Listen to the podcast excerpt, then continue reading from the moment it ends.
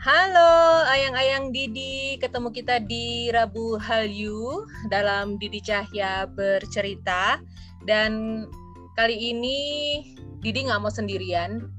Sebenarnya kalau dibilang secara umur, jangan-jangan Didi tuh sama emaknya lebih deket umurnya daripada narasumber sore eh sore hari ini udah malam ya untuk hari ini. Tapi masalah keilmuan uh, Korea-Korea gitu dia pas banget untuk ngisi Rabu Hallyu edisi hari ini. Aku langsung sapa aja di si uh, Revi Dinar. Halo.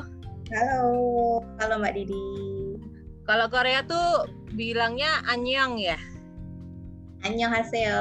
Nah, aku kadang-kadang kalau nonton drakor ya Rev ya, kadang-kadang bingung gitu loh. Ada uh. yang uh, dia cuman anyong kayak gitu aja tapi ada yang anyong haseo itu bedanya gimana sih uh, kalau anyong itu uh. standar sih mbak tapi kalau anyong haseo itu lebih formal gitu sih Oh, gitu ya. Oke, kayak terima kasih ada ada yang kamsahamnida itu kalau kita ke orang yang nggak kenal, orang yang kita hormati. Tapi kalau udah akrab gitu beda lagi gitu ya. Ya, pakai gue mau gitu kalau sama teman sendiri gue mau gue mapta kayak gitu nah bedain mau sama gue mapta aja aku juga oke okay, itu nanti bisa beber semester semester sendiri Iya, aku juga lagi masih lagi belajar kok, baru aja belajar. Jadi ya. Tapi kamu kan sastra Jepang ya, beda banget nggak sih ya, antara Jepang dan Korea? Sebenarnya kalau untuk tata bahasa urutan kayak subjek predikatnya itu sama. Jadi subjek, objek, predikat. Jadi predikatnya di belakang. Oh, Antara iya. Korea sama Jepang itu sama. Terus okay. ada beberapa kosakata yang sama juga mirip sih. Tetapi hmm. kalau menurutku uh, kesulitannya di Korea itu adalah ketika nulis Hangul sebenarnya gampang, tapi cara membacanya sih Mbak. Karena kan mirip eh, mirip-mirip ya. Jadi mm -hmm. kapan huruf T jadi D, lalu mm -hmm. uh, ketika huruf L ketemu N itu nanti jadi berubah. Jadi kayak belajar tajwid gak sih? iya iya iya benar benar benar benar. Aku kan kadang-kadang iseng di internet atau apa gitu kan ada ya belajar Korea, belajar Korea gitu yang aku Uh, kalau kamu kan emang ketertarikanmu di bahasa ya Rev ya aku langsung iya benar ah, please deh I wanna give up gua Arab aja masih belum bener okay, baik. Makanya itu tadi tuh sempat tanya ke kamu kan sebelum sebelum kita ngobrol ini tentang sasaeng. Bacanya gimana sih, yeah. Tetap aja sasaeng gitu ya. Kenapa kok aku pengen ngajak kamu ngobrol tentang ini? Karena uh, kemarin aku dapat link dari temen si Sehun EXO uh-huh. kan uh, kena tuh. Iya iya iya. Ya. yang yang ceweknya siapa itu Rev yang langsung diteror sama uh, netizen Indonesia pula ya Allah Gusti sampai ke ke akun maknya gitu loh yang oh my god karena begini sebelum kita jelasin sayang ya karena dulu itu yeah. waktu aku uh, ke Koreaan hanya sekadar penggemar aku sudah kenal dengan teman yang dia beberapa waktu tinggal di Korea Selatan di Seoul dan dia tuh cerita hmm. banyak termasuk tentang Sasayang ini dan kegilaannya gitu loh Ref jadi Benar, dia tuh gila banget. Meli ah, ah, melihat dan mengalami sendiri bagaimana Sasayang di sana itu gila-gilaan. Oke, lanjut Ref. Ini uh, the time is yours gitu ya. Aku mau tanya yeah. dulu, jelasin dulu ke ayang-ayang di Sasayang itu apa sih Ref? uh, kalau Sasayang sendiri sebenarnya adalah sebutan buat fans terutama di dunia K-pop ya mm-hmm. yang mereka itu ingin dinotis sama idolanya sih mm-hmm. Nah, mm-hmm. cara mereka ingin dinotis itu caranya adalah yaitu tadi kadang-kadang ada yang stalking, ada yang mereka itu uh, men- menyelinap ke asrama kalau misalnya idol ya ke dormnya mm-hmm. mereka Hmm. Lalu ada juga yang mengirimkan hadiah yang kadang hadiahnya itu aneh, bahkan kadang menjijikan karena mereka ingin dinotis. Intinya sih seperti itu karena mereka kalau uh, kalau aku pernah pernah baca literaturnya juga, hmm. kalau mereka misalnya ini ke konser atau sekedar ikut acara-acara dari idolnya, hmm. mereka itu merasa kan aku di tengah orang banyak nih, walaupun hmm. misalnya aku teriak-teriak aku um, uh, pengen diperhatikan nggak bakal kelihatan makanya hmm. uh, supaya aku tuh bisa dinotis sama idolaku ya aku kita menjadi sasayang nah uh, kalau sebenarnya aku sendiri sebenarnya sih nggak terlalu paham soal K-pop yang banget. Aku memang hmm. suka lagu-lagu uh, Korea sih, tapi nggak hmm. sampai yang sampai beli albumnya, sampai beli tiket konser kayak gitu kan. Ada temen yang sampai dia ya pergi ke Allah, mahal, mahal ya, ya light bulb. Buat lihat Blackpink gitu. Nggak kepikiran ya, Rev. iya, nggak kepikiran jadi sekedar anu aja sih fans berbasis kuota aja jadi paling nggak aku streaming streaming di uh, Spotify di YouTube yang legal lah ya cuma bisa support support kayak gitu iya iya nah iya, kalau benar benar saya sayang ini kemarin kan sempet aku kan bikin novel judulnya Fangirl Scriptbook. Nah itu memang sangat-sangat membahas mengenai dunia idol di Korea. Mm-hmm. Salah satunya yang paling terkenal itu mereka itu kalau sayang ini membuntuti idolanya sambil naik taksi mbak jadi mereka oh. itu nyewa taksi seharian penuh buat membuntuti si idolanya ke mana pun dibuntutin kayak gitu oh. bahkan ada yang sengaja menabrakkan diri ke mobil mobil itunya ya mobil idolanya supaya ya supaya bisa ketemu sama idolanya kayak gitu biar kenotis Terus bahkan gitu ya yang iya yang paling paling uh, paling bikin jijik pernah ada juga yang kirim itu tulisan uh, surat ditulis dengan darah tapi pakai darah menstruasi demi Sampai apa kayak gitu. coba nggak tahu bahkan ada juga yang salah satu uh, ini juga aku baca-baca sih karena karena kan aku suka drama Korea akhirnya kadang-kadang masuk ke fandom cuma pengen tahu aja sih ini gimana hmm. sih kayak gitu kan hmm. uh, ada juga uh, bukan idol cowok aja bahkan ada grup-grup idol cewek yang ketika uh, dibicarakan atau diberitakan bubar fansnya itu ada yang nulis nama idolanya itu di disilat disilat di apa di lengannya gitu kan oh, itu difoto biar viral kayak gitu. Hangul sih ya, jadi dia kan cuma garis, lingkaran, cekung, apa namanya, jadi mau nyilet-nyilet gitu gampang, bukan huruf Latin gitu ya. Iya bener ya, cuma kan, kan ngeri banget ya kan? Kan ah, apa ya ah. jadi kayak eh, ngeri gitu loh ngelihatnya mereka nggak cuma eh, nggak uh, cuma sekedar itu nggak cuma sekedar stalking aja tapi sangat-sangat mengganggu kalau menurutku. Terus Dan, uh, uh. ada beberapa berita yang pernah dibaca juga. Ada yang sampai mereka itu benar-benar fokus buat ngejar idolanya sampai nggak kerja terus dipecat keluar dari sekolah terus supaya dapat uang ya itu hmm. tadi sampai ada yang jadi pelacur kayak gitu cuma demi jadi sesayang itu ya. kayak gitu kayak dan gitu. jadi sasayang itu nggak murah karena itu tadi ya ada yang nyewa taksi ke mana-mana dia harus ngikut Terus hmm. ada juga sampai uh, eh, BTS belakangan itu kan ke mana-mana pakai private jet karena Sasayang itu ngikut di pesawat. Bener, bener banget. Pesawat komersial. Bu, gila ya. Pesawat komersial, Bu. Tiketnya tuh loh. Ya kalau cuma dari ke mana gitu loh. Kalau ke Europe ke mana? Ya ampun, ngeri loh. Iya, bener-bener. Nakutin uh, dan, banget, nakutin. Uh, uh, apa ya? Siapa ya? Kapan hari itu juga lagi nge-live gitu, ternyata di belakangnya tuh ada jingket-jingket sasa yang kayak gitu. Itu mengerikan.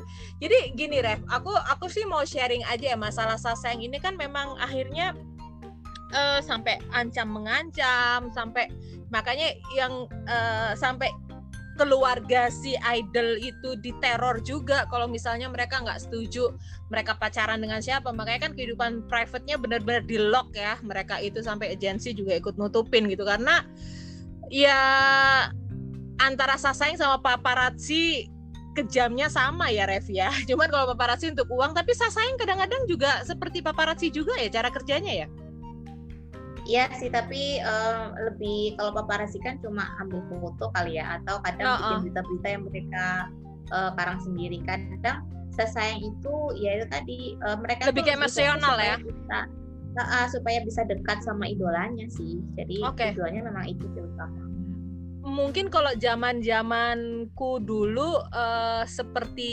grupis tapi grupis oh, itu ya.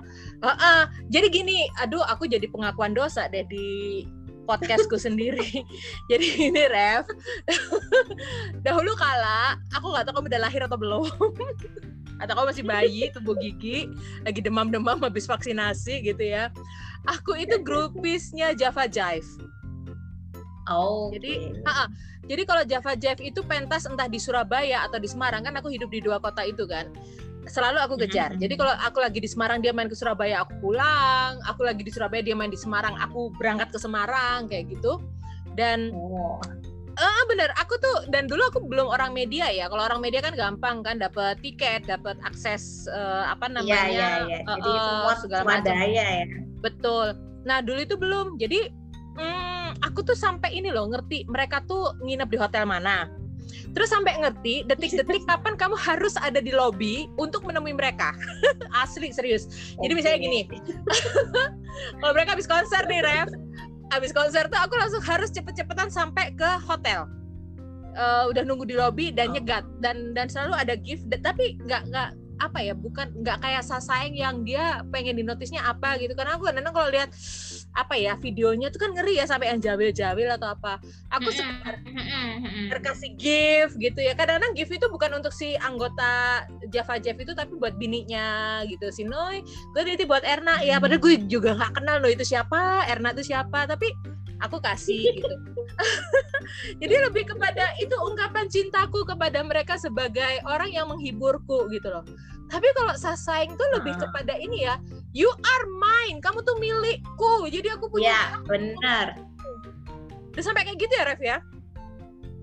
Sampai kayak gitu jangan cenderung kriminal sih menurutku Mbak. Jadi kayak gimana ya kalau kayak yang dari ceritain Mbak Diti itu kan normal lah ya uh, uh fun girling lah kayak gitu -uh. biasa sih jadi masih standar yang nggak sampai mengganggu kehidupan si pribadinya si idola kita kalau saya sayang itu kan sampai mereka itu itu tadi mengancam orang terdekat supaya Betul. mereka itu menurut mereka kadang-kadang keluarga sendiri pun kadang dianggap mendompleng ketenaran contohnya atau misalnya kalau punya pacar dianggap cuma sekedar uh, cuma pengen numpang tenar padahal itu kan cuma anggapannya si sayang itu secara sepihak. Dia tuh opa is mine gitu kan. Atau kalau oh. cewek ya Oni is mine gitu. Oh, oh, oh, oh, ngeri banget. Iya ya. Uh, tapi eh, Sasaeng itu juga kadang-kadang mereka juga saking merasa memiliki gitu kayak ikut si ibu si idolnya itu adalah mertuanya gitu. Jadi kadang aku kalau baca oh iya benar. Ya Allah. Halunya. Bener asli halu banget halu banget. Dan apa ya kalau iya, di iya. Indonesia bisa dibilang halunya kan halu halu halu netizen yang uh, di dunia maya sekadar halu aja. Tapi kalau yang di Seoul yang di sana dekat dengan rumah idol itu agak ngeri juga ya. Sekriminal apa sih Ref? Mereka bisa sampai jadi apa ya sangat mengganggu kehidupan idolnya? Uh, bisa sampai bisa mencelakai idolnya sih mbak. Kayak contohnya tadi yang aku pernah cerita eh, yang tadi aku ceritain ada yang sengaja menabrakkan diri terus mm -hmm. ada yang dia tuh uh, pengen selalu dekat sama idolnya sampai kadang misalnya nih idolnya punya pacar dia bisa marah sama idolnya kayak si idol itu selingkuh dari dia bisa dipukul atau diapain gitu kan jadi uh, bisa melukai idolnya juga bisa bikin trauma uh, ini uh, mbak Didi tahu kan aku suka Bentley Hamilton uh-huh. jadi si uh-huh. bocah cilik ini uh, bocah cilik yang dia ada di The Return of Superman uh-huh. itu dia itu sebenarnya dia nggak tahu kalau dia itu terkenal jadi si uh, ayahnya Sam hmm. ini sengaja supaya uh, dua anaknya itu nggak pernah nonton mereka di TV. Mereka cuma tahu kalau namanya anak kecil kalau disapa ya oke okay, halo gitu dan hmm, mereka hmm. merasa kalau yang terkenal itu ayahnya. Jadi mereka hmm. merasa kalau ayahnya itu artis, jadi aku merasa terkenal jadi seperti itu.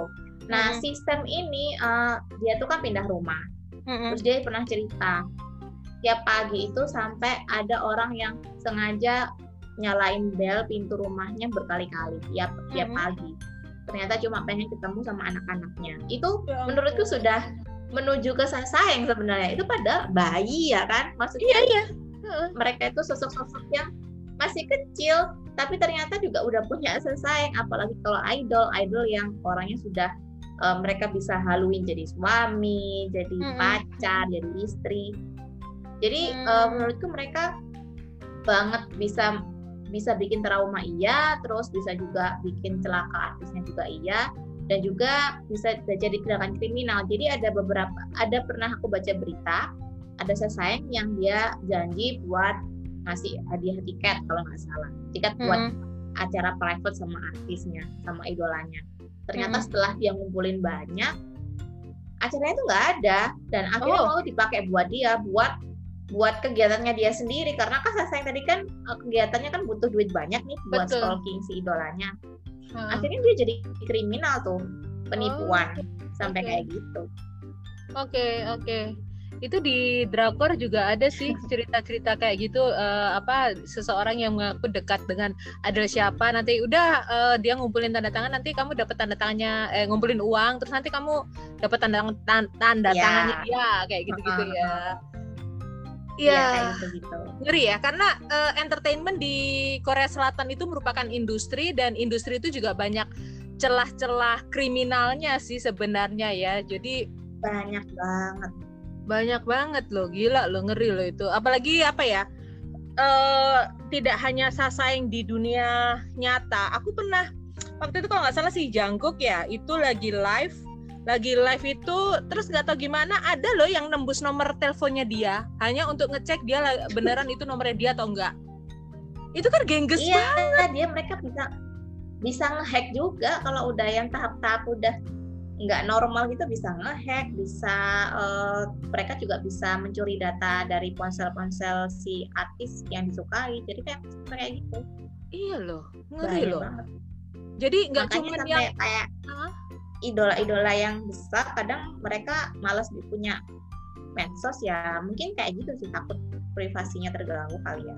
Iya makanya. Enak-enak nge-live ada nomor nggak dikenal masuk hanya untuk ngetes bener nggak ini nomornya jangguk kayak gitu kan kesel gue gue yang nontonnya tuh yang ya ampun nih loh jadi bete kan yang nge-live gitu. Belum lagi kalau iya, yang bete aduh.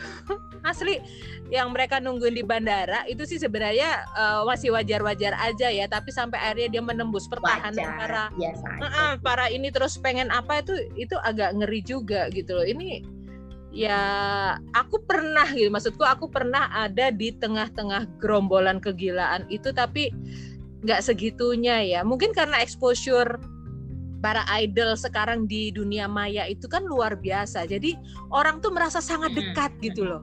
Kalau dulu kan aksesnya terbatas, jadi aku sebatas yeah. uh, grupis sama idolanya. Kalau sekarang kan enggak, bisa halu kan? Halu banget. Bisa oh, apalagi... foto di jajaran sama dan ini loh kalau kamu perhatikan akun-akun uh, fandom gitu ya yang kadang-kadang mereka itu bikin POV POV itu yang seolah-olah gitu itu pacarnya lah apa suaminya lah apa aku sampai eh, hello halo aduh. Terus ini lagi uh, kita tadi bicara sayang ya ada juga toxic nah. fan girl atau fan boy ya toxic fandom. Kayak kemarin itu ada toxic army terkait dengan yang Jimin itu loh yang Jimin langsung ada hashtag please apa Jimin kayak gitu. Uh, saking ininya loh Ref, fenomena saking cintanya si fan itu kepada idolanya sampai dia itu membuat sensasi yang merugikan si idola itu sendiri. Berantem sama fandom lainnya lah nah. yang apalah. Gila ya ini ini kalau kita bicara fan di sana aku jadi kepengen baca bukumu Ref. Bukunya apa tadi judulnya? Promo boleh loh. mau bacanya di mana juga boleh loh Ref. Di GWP sebenarnya mau kurapiin lagi jadi aku merasa ada plot-plot yang masih belum bagus sih. Sebenarnya udah tamat cuma mau kurapiin lagi. Dan juga di GWP itu situsnya nggak nggak kayak Wattpad atau di hmm. Storyal enak gitu kan jadi uh, tulisannya juga sering berantakan udah rapi dipindah ternyata berantakan mbak mungkin hmm. perlu hmm, kurapiin hmm. lagi pasti okay. mungkin rencananya mau aku upload di Wattpad aja sih biar gampang aksesnya nanti tunggu ya Oke, okay, siap. Jadi ayang-ayang Didi, kalau pengen tahu banyak ya tentang tulisan-tulisannya Revi, itu kan dia sebenarnya uh, di IG juga ada ya Revi Dinar ya. Terus apa yang kata Revi yeah. itu ada sendiri ya? Nah, kalau kata Revi itu khusus podcast. Uh, uh, yang Revi, pokoknya masuk ke Revi Dinar nanti aku udah ada akun-akunnya uh, ke akunku yang lain nanti bisa dilihat itu apa aja. Oke, okay, cari aja Revi Dinar R E F F I dinarnya gimana? D H I N A R. D H I N A R R E F F I iya. D H I N A R. Gak usah capek-capek googling ya, itu itu langsung keluar. Jadi kamu ketik Revi DH aja itu nanti langsung nyambung nar gitu. ada kata Revi untuk podcastnya aku termasuk yang dengerin juga. Jadi ayang-ayang Didi kalau pengen belajar nulis segala macam itu ada di situ. Kalau kelas nulisnya ada word uh, wordholic ya? Ya wordholic. Wordholic itu ada di Instagram. Ada di Instagram. Ada di Instagram uh -uh, terus juga kamu juga konten kreator untuk YouTube bisa di share ya, YouTube-nya apa yang hari ini aku belum lihat BTS oke okay. khusus Korea apa nama YouTube-nya? Channelnya apa, Rev? Uh, K Room Entertainment. Jadi kalau mau nyari uh, huruf K, terus tanda hubung room R O O M E N T. Nanti okay. muncul entertainment gitu. K Room Entertainment. Oke, okay, baiklah. Hmm. Jadi uh, ayang-ayang Didi udah tahu ya bahwa ngefans itu nggak sekadar gila, tapi ada juga yang sampai gila banget yang namanya sasaeng. Uh, untuk iya. level uh, offline-nya mereka bisa langsung ketemu gabruk gitu sama idolanya. Tapi untuk level online dari Indonesia pun bisa deh kamu mau jadi sasaeng. Tapi jangan please don't. Asli itu jijik banget. Uh, asli itu jijik banget gitu loh ya sampai merugikan lah ya kan? Betul. Sampai dunia nyata jadi terlupakan. Nggak cuma terlupakan ya jadi berantakan ya akhirnya ya. Sekarang apa yeah. yang kita sih? Kita nge DM IG-nya maknya siapa hanya karena kita nggak rela anak itu pacaran sama idol kita. Hello nggak masuk akal apa yang kamu lakukan. Dan itu dari Indonesia Ref. Ya Allah malu gue Ref aduh udah udah biasa mbak. Kalau kita aja uh, sama artis sinetron yang dianggap jahat aja bisa dipukul dari cubit padahal kan itu sinetron apalagi Korea ya kan? Mereka kan nggak bisa nggak bisa datengin nih karena jauh. Ya udah DM aku jadi inget yang terbaru kemarin uh, fandom seorang perempuan yang masuk lima tercantik dan terus uh, apa oh, namanya yeah. akunya menghilang. Itu itu juga yang ngebelain kan sampai halo kamu ngebelainnya agak masuk akal dikit boleh nggak? Nggak usah sebut merek udah pasti tahu tuh yang dibahas siapa Oke, okay. jadi itu contoh aja ya ayang-ayang Didi ya bagaimana seorang fans atau segerombolan fans bisa dibilang segerombolan mereka nyewa taksi bareng-bareng untuk ngejar segala macam. Sesuatu yang buruk jangan ditiru. Jadi kalau kalian juga bukan orang yang suka nonton drakor atau K-pop, lebih suka nonton sinetron dan juga punya penyanyi dangdut idola, boleh ngefans tapi jangan sampai menghancurkan diri kalian sendiri dengan perilaku-perilaku yang memalukan. Bukan begitu, bukan Revi? Iya, setuju, Mbak. Rev, kapan-kapan nanti kalau ada aku butuh referensi tentang kekoreaan gitu, gabung lagi ya, Rev ya. Oke, siap. Soalnya banyak karena aku berguru pada dirimu. aku pantau terus. Berguru kayaknya apa deh? Karena kamu adalah salah satu referensiku. Oke, okay, thank you. Nanti kapan-kapan kita sambung yeah. lagi. Uh, jangan ditutup dulu, Ref. Aku closing dulu, pamit dulu kayak ayang Didi. Jadi Rabu Halyu hari ini tentang Sasaeng. Dan tenang, besok kayaknya aku mau nyambung lagi. Kalau kemarin ngobrolin tentang Mas Poci, besok mau ngomongin tentang Mbak Kunti. Masih dengan sahabatku yang sama yang suka nerawang-nerawang nggak jelas itu di Kamis Mistis Romantis jeklek ya teko Rabu Halyu ke Koreaan terus nang demi-demitan ya Rev. ya yang penting seneng aja kan bikin podcast kan yang penting kita suka. Betul sekali. Oke, ayang-ayang Didi ketemu lagi ya di edisi berikutnya masih di Didi Cahya bercerita.